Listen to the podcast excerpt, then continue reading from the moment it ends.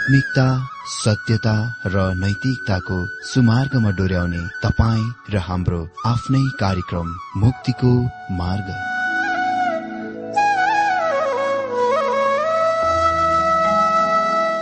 आदरणीय श्रोता यस मुक्तिको मार्ग कार्यक्रममा हार्दिक स्वागत छ।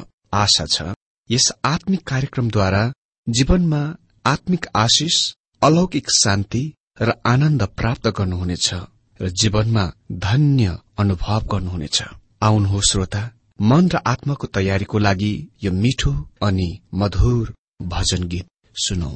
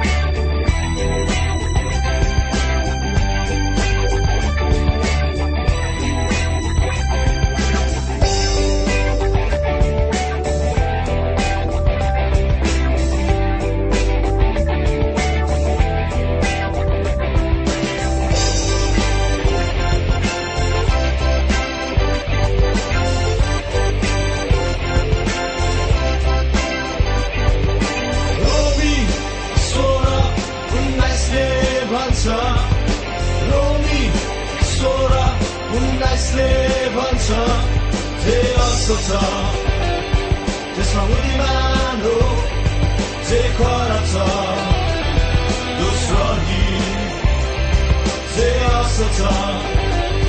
The sun will be my love.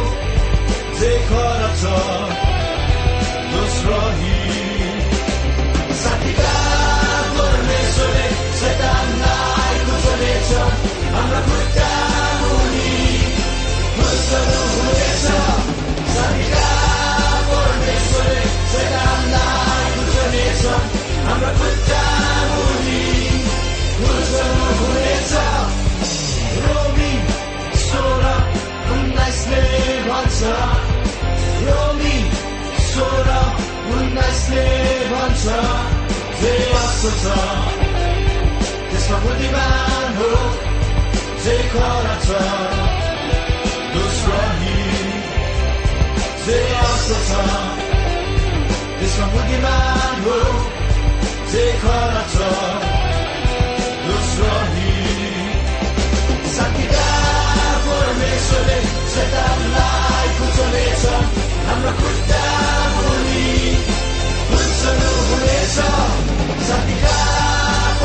परमेश्वरले शैतानलाई कुचलेछ हाम्रो खुट्टा मुनि खुल्छनु हुनेछ रोमी सोह्र उन्नाइसले भन्छ रोमी सोह्र उन्नाइसले भन्छ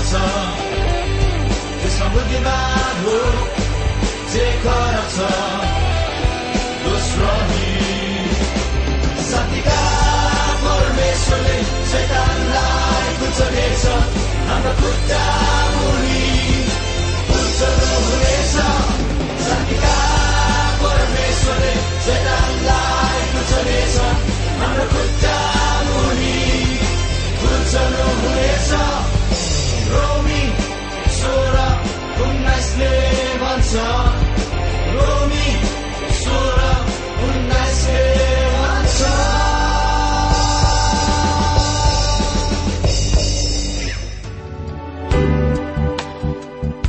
प्रिय श्रोता यो प्रसारण मार्फत यो अवगत गराउन चाहन्छौ कि प्रभुको सेवाको लागि यहाँहरूको साझेदारी नित्यन्त आवश्यकता छ। यहाँहरूले प्रार्थनाको साथसाथै आर्थिक सहायता गर्न अनुरोध गर्दछौ। तपाईँहरूको सानो भन्दा सानो भेटी किन नहोस्? हामी प्रभुको नाममा स्वीकार गर्नेछौ प्रभुको सेवाको लागि। तपाईँहरूको यो सानो लगानीले कसैको जीवनमा भिन्नता ल्याउँछ अनि प्रभुको महिमा हुन्छ? प्रभु तपाईँहरूलाई महान गरी आशिष दिनुहुनेछ। इच्छुक श्रोताहरूले तपाईँहरूको इच्छा भेटी हाम्रो ठेगानामा पठाउन सक्नुहुन्छ जुन ठेगाना हामी कार्यक्रमको अन्तमा दिनेछौं। मित्र आज पनि तपाईँ सबैलाई मेरो प्यार भरा नमस्कार जय मसी अनि तपाईँहरूका यो आफ्नो कार्यक्रममा हार्दिक स्वागत छ। मित्र म आशा गर्दछु कि आज पनि परमेश्वर हामी सबैलाई उहाँको वचनबाट धेरै कुरा सिकाउनुहुनेछ। अनि निश्चय नै आज हाम्रो हृदयलाई आफ्नो वचनले भरपूर गरिदिनुहुनेछ र हामीलाई साँच्चै नै उहाँको वचनको रहस्य खुलाइदिनु हुनेछ। म आशा गर्दछु कि तपाईँ सबै नै बडो मनको तयारीको साथ आइपुगिसक्नु भएको छ र यसको निम्ति मनको तयारी हुन आवश्यकता छ।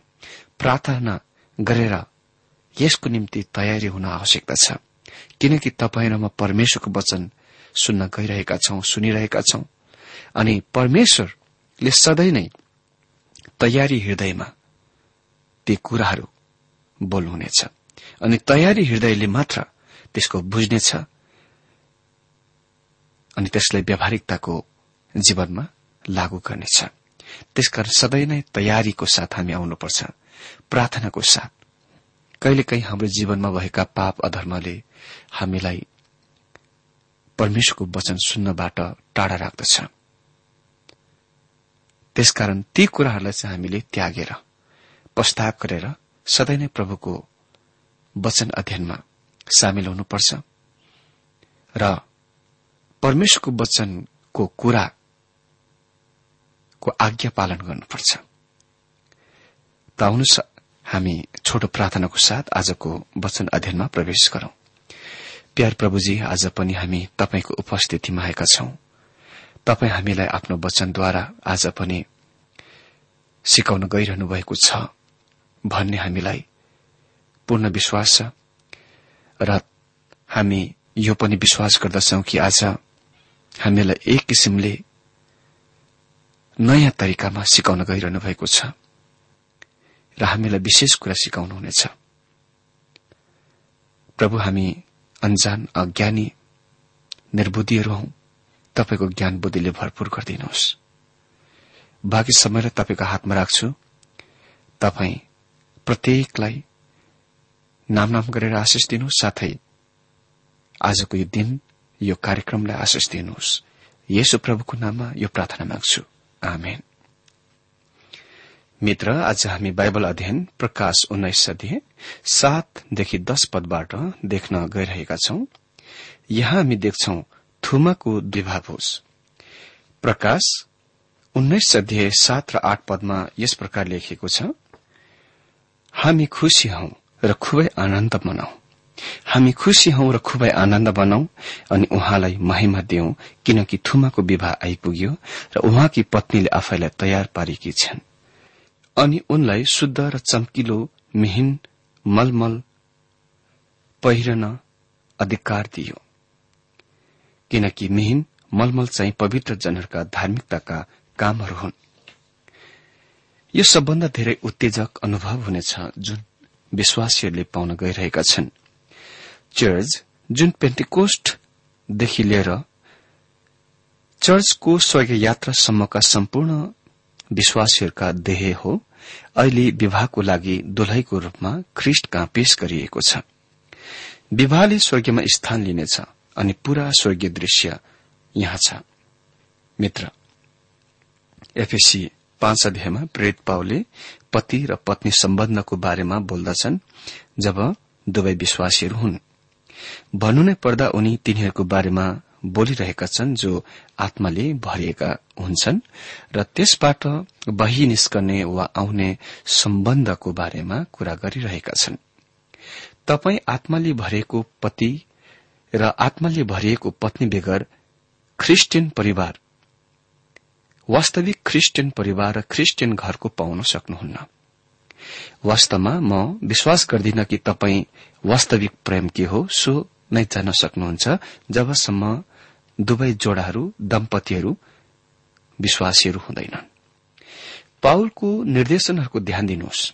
एफएसी पाँच अध्यय पच्चीसदेखि सत्ताइस पदमा लेखिएको छ हे पतिहरू हो आफ्ना आफ्ना पत्नीहरूलाई प्रेम गर जसरी ख्रिस्टले पनि मण्डलीलाई प्रेम गर्नुभयो। र त्यसका निम्ति आफैलाई अर्पण गर्नुभयो। त्यसलाई वचनद्वारा जलको स्नानले शुद्ध गरी पवित्र पार्नलाई र महिमित मण्डलीको रूपमा त्यसलाई आफ्नो सामु उपस्थित गराउनलाई जसमा दाग वा चौरी वा यस्तै अरू कुनै कुरा हुँदैन तर त्यो पवित्र र निष्कलंक हुन्छ। यो ख्रिष्टको र चर्चको सम्बन्धको तस्विर हो। हामी नयाँ नैतिकता भनिने दिनमा रहिरहेका छौं। यो विशेष गरेर पश्चिमेली मुलुकहरूमा प्रयोग गरिने आम कुरा हो। तिनीहरूका समाज सेक्स काम वासनामा डुबेका छन् लिप्त भएका छन्। यो तिनीहरूको निम्ति साधारण कुरा हो। तिनीहरूमा कुनै लाज शरम छैन। यो तिनीहरूको निम्ति प्रेम हो। जवान जवानीहरू प्रेम प्रेम प्रेमको बारेमा कुरा गर्छन्। अनि यो हाम्रो मुलुकहरूमा पनि सत्य छ। तिनीहरू प्रेमको बारेमा वास्तवमा के चाहिँ जान्दछन्? मेरो विचारमा अनि यो वास्तविक पनि हुन सक्छ कि पुरूषले स्त्रीलाई प्रेम गर्नु के हो र स्त्रीले पुरूषलाई प्रेम गर्नु के हो त्यसको बारेमा केही पनि जान्दैनन्। म यस कुरामा डराउँछु कि त्यहाँ धेरै क्रिस्चियनहरू विश्वासहरू पनि छन् जसले पनि प्रेमको बारेमा वास्तविक प्रेमको बारेमा है। त्यति धेरै केही जान्दैनन्। पतिहरू हो के तपाईँले त्यो समयको दिनको याद गर्नुभएको छ जब तपाईँले पहिलोपल्ट आफ्नो पत्नीलाई हेर्नुभयो? के तपाईँलाई याद छ जब तपाईँ विवाहमा जोडिनुभयो र तिनी तपाईँको बन्यो?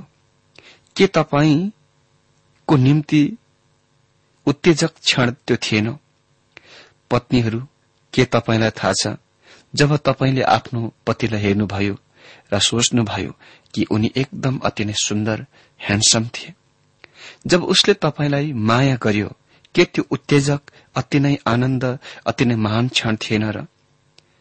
एफिसी पाँच अध्यय पच्चीसदेखि सत्ताइस पद त्यो दिनको तस्विर हो जब ख्रिस्टले उहाँ आफै कहाँ शुद्ध निष्कलंक र पवित्र गरिएको मण्डलीको रूपमा हामीलाई खिच्न गइरहनु भएको छ।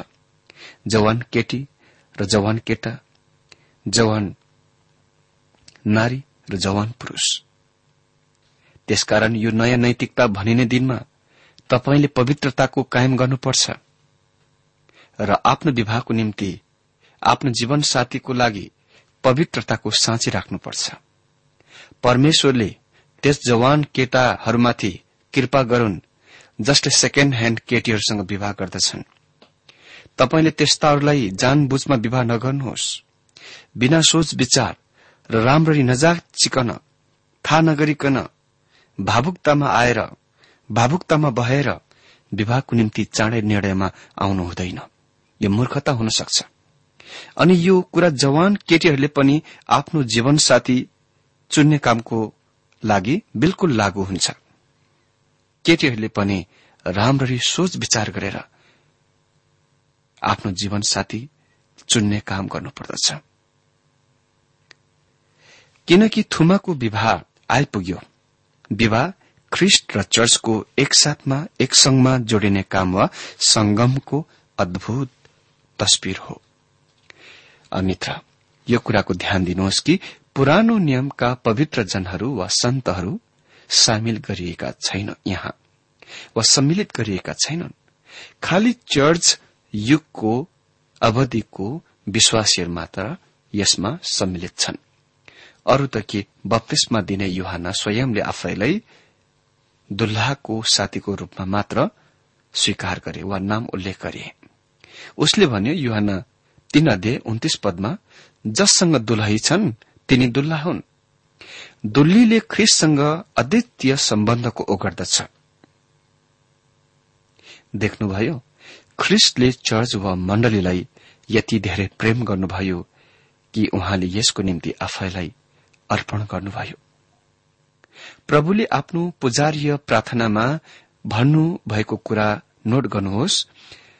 युहन्ना सत्र अध्याय तेइसदेखि छब्बीस पदमा भनिएको छ म तिनीहरूमा अनि तपाई ममा।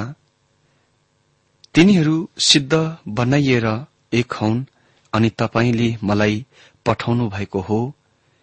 अनि जसरी तपाईँले मलाई प्रेम गर्नुभएको छ उसरी नै तिनीहरूलाई पनि प्रेम गर्नुभएको छ भनी संसारले जानोस्। हे पिता तपाईँले मलाई जतिजना दिनुभएको छ तिनीहरू पनि म जहाँ छु त्यही मसँग रहन् भन्ने इच्छा म गर्दछु। र तपाईँले मलाई दिनुभएको मेरो महिमा तिनीहरूले देखुन् किनकि तपाईँले मलाई संसारका उत्पत्ति भन्दा पहिले प्रेम गर्नुभयो। हे धार्मिक पिता संसारले तपाईँले चिनेका छैनन् तर मैले तपाईँलाई चिनेको छु अनि तपाईँले मलाई पठाउनु भएको हो भनी तिनीहरूले जानेका छन् अनि मैले तपाईँको नाम तिनीहरूलाई जनाई दिएको छु अनि जनाई दिनेछु र जुन प्रेमले तपाईँले मलाई प्रेम गर्नु भएको छ त्यही प्रेम तिनीहरूमा रहोस् र म तिनीहरूमा रहन्छु। सबभन्दा अद्भुत कुरा के हो भने हामी ख्रिस्टलाई चिन्न थाहा पाउन गइरहेका छौं। पहिलो पल्ट वास्तवमा उहाँलाई थाहा पाउन चिन्हलाई आठ पदमा हामी पढ्छौं उन्नाइस अध्यायको आठ पदमा। अनि उनलाई शुद्ध र चम्किलो मिहिन मलमल पहिरने अधिकार दिइयो किनकि मिहिन मलमल चाहिँ पवित्र जनहरूका धार्मिकताका कामहरू हुन्। चर्चको विवाहको पहिरन पोषक वा गाउन चाहिँ पवित्र जनहरू वा सन्तहरूको धार्मिक कार्यहरू हुन्। यो ग्रहण गर्नलाई कठिन विचार धारणा हो किनभने हाम्रो आफ्नै धार्मिकतामा ख्रिष्टको सामने उभिन्न बिल्कुल असम्भव छ। पाओले यसको बारेमा लेखे फिलिपी तीनको नौ पदमा व्यवस्थाबाट हुने आफ्नै धार्मिकता भएकोले होइन तर ख्रिष्टमाथि विश्वासद्वारा हुने धार्मिकताले अर्थात परमेश्वरको धार्मिकता जो विश्वासद्वारा प्राप्त हुन्छ। देख्नुभयो विश्वासद्वारा हामी ख्रिस्टलाई विश्वास गर्न सक्छौ। केवल पापहरूका क्षमाको लागि मात्र होइन तर उहाँको धार्मिकता हामीलाई दिने कामको लागि पनि। तब किन युहनाले भन्छन् कि विवाहको पोषक चाहिँ पवित्र जनहरूका वा सन्तहरूका धार्मिक कार्यहरू हुन्? विवाहको पोषक गाउन खालि एकपल्ट मात्र प्रयोग गरिनेछ। तर ख्रिष्टको धार्मिकतामा हामी सधैँभरि अनन्तकालभरिको लागि पहिराइनेछौ हामी विश्वासीहरूको रूपमा ख्रिष्टको न्याय आसनको सामने प्रकट हुनेछौ। उद्धारको सम्बन्धमा मुक्तिको सम्बन्धमा हाम्रा पापहरूको लागि न्याय गरिनलाई होइन तर पुरस्कार इनामको निम्ति। सालौंदेखि विश्वासीहरू धार्मिक कार्यहरू गरिरहेका छन्। जुन विवाहको पोषक वा ग्वाउनको सजाउन जम्मा भइरहेको छ। तपाई त्यस विवाहको पोषक गाउनको सजाउन सुसञ्जित गर्न तपाईँले चाहिँ के गरिरहनु भएको छ? कस्तो काम गरिरहनु भएको छ? तपाईँ आज प्रभुको लागि के गरिरहनु भएको छ? फेरि म पावलको कथनको उद्धृत गर्न चाहन्छु। पहिलो कोरन्ती तीन अध्यय बाह्रदेखि चौध पदमा भन्छन् अब कुनै मानिसले त्यस जगमाथि सुन चाँदी रत्नहरू काठ घाँस परालले बनाउँदै लैजान्छ भने हरेकको काम प्रकट हुनेछ किनकि त्यो दिनले त्यो काम देखाउनेछ किनकि त्यो आगोद्वारा प्रकट गरिनेछ अनि हरेकको काम त्यो कस्तो किसिमको रहेछ भनी आगोले जाँच गर्नेछ। कुनै मानिसको काम जो उसले त्यस माथि बनाएको छ रहिरह्यो भने उसले इनाम पाउनेछ। सुन चाँदी र बहुमूल्य पत्थरहरू रत्नहरू आगोमा बस्नेछ। काठ घाँस र पराल धुवामा विलिन हुनेछ जलेर ध्वस्त हुनेछ। त्यो सर्वनाश हुनेछ खाक हुनेछ। त्यसकारण असल कामहरू चर्चको विवाहको पोषक हो। एफिसी दुईको दश पदमा हामी पढ्छौं किनकि हामी असल कामहरूको निम्ति ख्रिष्ट येशुमा सृजना गरिएका हौं। उहाँका हातका कारिगरी हौ जुन कामहरूमा हामीले हिँडुन् वा हिँड्नुपर्छ भनेर परमेश्वरले अघिबाटै तिनलाई तयार पार्नु भएको छ। विवाहपछि विवाह पोषक अलग राखिन्दछ एकातिर राखिन्दछ हामीले पहिले देखिसकेका छौं कि प्राचीनहरूले धर्मगुरूहरूले आफ्ना मुकुटहरू थुमाको चरणमा पाउमा राखे। यो घोषणा गर्दा कि उहाँ मात्र यसको योग्य हुनुहुन्छ। चर्चले मण्डलीले उहाँको महिमाको प्रकट गर्नेछ।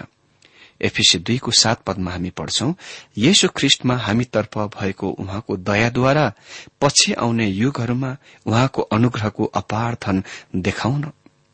हामी प्रदर्शनमा हुनेछौं। जो नर्कबाट उद्धार गरेका पापीहरू अहिले स्वर्गीयमा छन्। हामीसँग स्वर्गीयमा हुने कुनै अधिकार छैन र त्यहाँ ख्रिष्टको धार्मिकता बेगर र हामी उहाँकै हौ आफ्नै नभए कति पनि त्यहाँ जाने थिएनौ। ख्रिष्ट र चर्चको सम्बन्ध अति नै घनिष्ठ छ। यो बेग्लै छ र यो आनन्दमय छ आनन्ददायक छ। कुनै अरू प्राणीले त्यस्तो मधुरता र ताजगीको आनन्द भोग गर्ने छैन। अनि नौ र दश पदमा भनिएको छ अनि तिनले मलाई भने लेख जो जो थुमाको विवाहको भोजमा बोलाइएका छन् ती धन्य हुन्। अनि तिनले मलाई भने परमेश्वरका सत्य वचनहरू यिनै हुन्। अनि तिनलाई दण्डवत गर्न म तिनका पाउमा परे तर तिनले मलाई भने हेर तिमीले यसो नगर। म त तिम्रो संगी दास हो र तिम्रा भाइहरूको जससँग येसुको गवाई छ परमेश्वरलाई नै दण्डवत गर किनकि येशुको गवाई चाहिँ भविष्यवाणीको आत्मा हो। यहाँ मेरो कुरा ध्यानसित सुन्नुहोस्। अहिले स्वर्गीयमा थुमाको विवाहले स्थान लिनेछ तर विवाह भोज चाहिँ पृथ्वीमाथि स्थान लिनेछ वा पृथ्वीमा हुनेछ। यसको तस्विर मती पच्चीस अध्याय एकदेखि तेह्र पदमा दिइएको छ जुन दश कन्याहरूको दृष्टान्त हो। मित्र ती कन्याहरू दुलहीहरू थिएनन्। ख्रिससँग खालि एउटै मात्र दुलही छ। अनि त्यो चर्च हो। दुल्ला विवाह भोजको लागि पृथ्वीमा फर्किआउनेछ।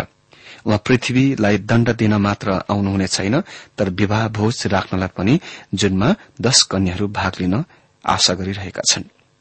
यो उही एउटै दृश्यको अर्को तस्विर भजन पैंतालिस अध्यायमा दिएको छ। यस भजनमा ख्रिस्टलाई राजाको रूपमा आइरहेको देखिन्दछ हामीलाई भनिएको छैन कि तिनी को हुन् तर रानी त्यहाँ छिन्। राजकन्याहरू तपाईँको आदरणीय महिमा मध्येका हुन्। तपाईँको दाहिनेपट्टि ओपिरको सुनका घाना पहिरेकी राज राजस्य दुलाई छिन्। म विश्वास गर्दछु यो चर्चको प्रतीक वा रूपक हो। भजन संग्रह पैंतालिस बाह्रमा लेखिएको छ टुरसकी राजकन्या उपहार लिएर आउनेछिन् धन भए मानिसहरूले तिम्रो निगाह खोज्नेछन्। विवाह भोजले पृथ्वीमा स्थान लिनेछ। दुवै इसरायलीहरू र अन्य जातिहरू जो हजार वर्षीय राज्यमा प्रवेश गर्नेछन् निमन्त्रित पहुनाहरू हुन्। अनि विवाह भोज प्रत्यक्ष रूपले हजार वर्षीय राज्य हो। तपाई लामो भोजको बारेमा कुरा गर्नुहुन्छ जो अति नै लामो खालको भोज समय हुनेछ। हजार वर्षीय राज्यको अन्तमा चर्चलाई दुलैको रूपमा देखिन्दछ। ओ मित्र कल्पना गर्नुहोस् कि हनीमुन हजार वर्षसम्म हुनेछ। तैपनि त्यो खाली आरम्भ शुरूआत मात्र हो। ओ कस्तो यो आनन्द कस्तो हर्षको कुरा। स्वर्गीय दूतले यो दृश्यमाथि परमेश्वरको छापको लगाउँदछन्। परमेश्वरको सत्य वचन यी नै हुन्।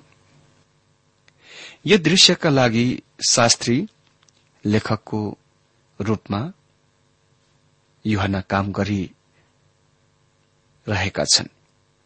र काम गरिसकेपछि युहना स्वर्गीय दूत वा सन्देशवाहकलाई आराधना गर्न पूजा गर्न उत्प्रेरित महसुस गर्दछन्। तर उसलाई त्यो गर्न मना गरियो। त्यो गर्न दिइने छैन। स्वर्गीयदूत खालि एक सृष्टि मात्र हो परमेश्वरको सृष्टि। केवल परमेश्वरलाई मात्र आराधना गरिनुपर्दछ उहाँ मात्र आराधना स्तुति प्रशंसाको उपासनाको योग्य हुनुहुन्छ। अनि यही नै यो स्वर्गीय दूतले उसको भनाइद्वारा प्रकट गर्दछ। ओहो यो शैतानलाई ख्रिष्ट विरोधीलाई र झुटा भविष्य वक्तालाई कस्तो हप्कै छ कस्तो डाटाई छ जो आराधना गरिएको पूजा गरिएको उपासना गरिएको चाहन्छ खालि आफैलाई। अनि हाम्रा दिनमा त्यहाँ धेरै त्यस्ता मानिसहरू छन् जससँग उही खालको इच्छा छ अभिलाषा छ। स्वर्गीयमा थुमाको विवाहपछि अर्को घट्ने वा हुन आउने महान। अनि एक अद्भुत घटित घटना चाहिँ पृथ्वीमा ख्रिष्टको फर्काई वा ख्रिष्टको पुनः आगमन हो। मेरो मित्र राजा आइरहनु भएको छ। तर चर्च मण्डली स्वर्गीय यात्रामा उठाइ नलगुन्जेलसम्म। जब चर्च वा मण्डलीलाई स्वर्गीय यात्रामा पृथ्वीबाट उठाइ लगिन्दछ। त्यसपछिबाट मात्र पृथ्वी महाक्लेशमा भएर जानेछ। त्यसपछि मात्र उहाँ आउनुहुने छ। नत्र चर्च स्वर्गीय यात्रामा उठाइ नलगुन्जेलसम्म र पछिबाट र पृथ्वी महाक्लेशमा भएर नगइन्जेलसम्म उहाँ आउनुहुने छैन। उहाँ यी कुराहरू भइसकेपछिबाट मात्र पृथ्वीमा आउनुहुनेछ अहिले जब उहाँ पृथ्वीमा आउनुहुन्छ उहाँको दुलाई उहाँसँग हुनेछ। जो चर्च वा मण्डली हो र तिनीहरूको विवाह भोज यहाँ पृथ्वीमाथि हुनेछ। जुन हामीले देखिसकेका छौं। ओ मित्र हाम्रो अगाडि यो कस्तो महिमित दिन छ? प्रभु आफ्नो वचन अध्ययनद्वारा तपाई सबैलाई धेरै धेरै आशिष दिउन्।